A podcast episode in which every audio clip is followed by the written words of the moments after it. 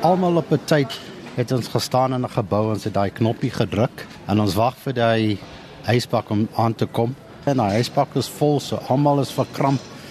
En so gaan dit aan. Elke vloer wat waar daar knoppie gedruk is, gaan daai ysbak stop. So van die tyd wat jy daai knoppie gedruk het, dit kan 'n hele paar minute neem om jou om na jou destinasie te kom. So dis nou die ou tegnologie. Nou, hoe gaan die nuwe tegnologie huisbakke verander? Ek noem dit die destination control of whole call allocation. Wat dit is is jy stap in die gebou en jy weet jy wil nou op die 10de vloer. So jy gaan nou na 'n keypad of lyk like soos 'n iPad skerm en daarmee aktiveer jy hom en jy sê okay, paar nommers gaan opkom en jy druk 10. Hy sal vir jou sê nou, oké, okay, gaan nou huisbak D.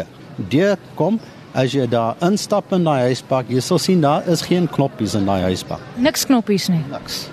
Maar hy gaan vir jou sê going up as hy by die 10de vloer kom, sal hy vir jou sê is op die 10de vloer, doors opening, dan stap jy uit. Nou wat gebeur alles agter die skerm terwyl ek so lui lekker rit het? Jy het een knoppie gedruk en hy artificial intelligence in die huisbak. Hy neem al die roepe wat hy kry en hy sê okay, ja, ek het nou 20 mense wat wil na die 10de vloer gaan.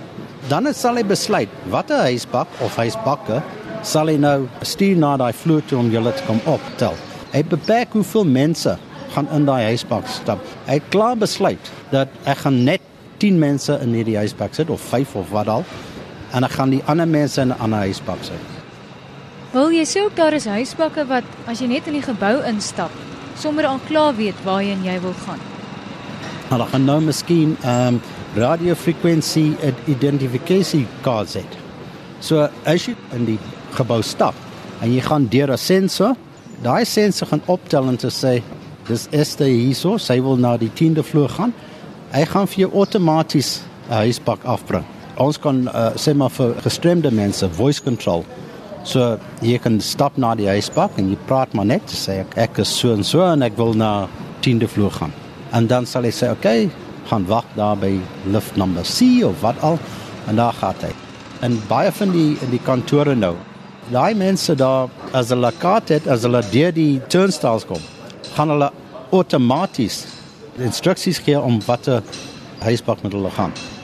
So jou personeelkaart gaan dadelik identifiseer waarheen jy moet gaan. Dis presies, ja. Daar is deesdae 'n toepassing vir byna alles. Hoe word die tegnologie gebruik by huisbakke?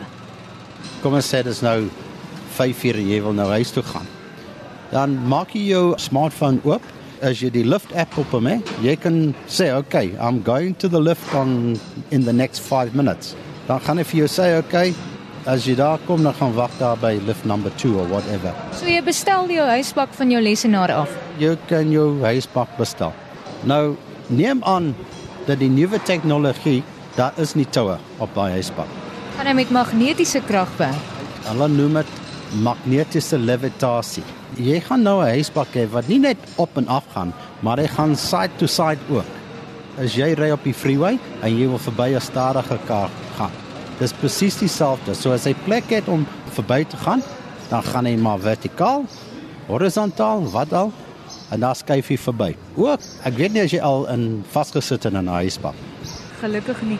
Vasgesit in 'n huisbak kan so 2 uur wees. Sit jy daar nou, dink net as die een huisbak kan nou opgaan na die ander toe, soos 'n 'n docking station wat hulle in die um, die spaceships doen. Kan ons 'n huisbak opstuur dok met daai huisbak wat vassit en daai mense uitkry. So die huisbak kom al jou. Ja, die huisbak kom al jou. En hoekom nie? Dis die hoe die tegnologie vorder. Dit hang af as die mense bereid is om dit gebruik. Dis hoekom ek sê hoe ons huisbakke gebruik in die toekoms gaan verander.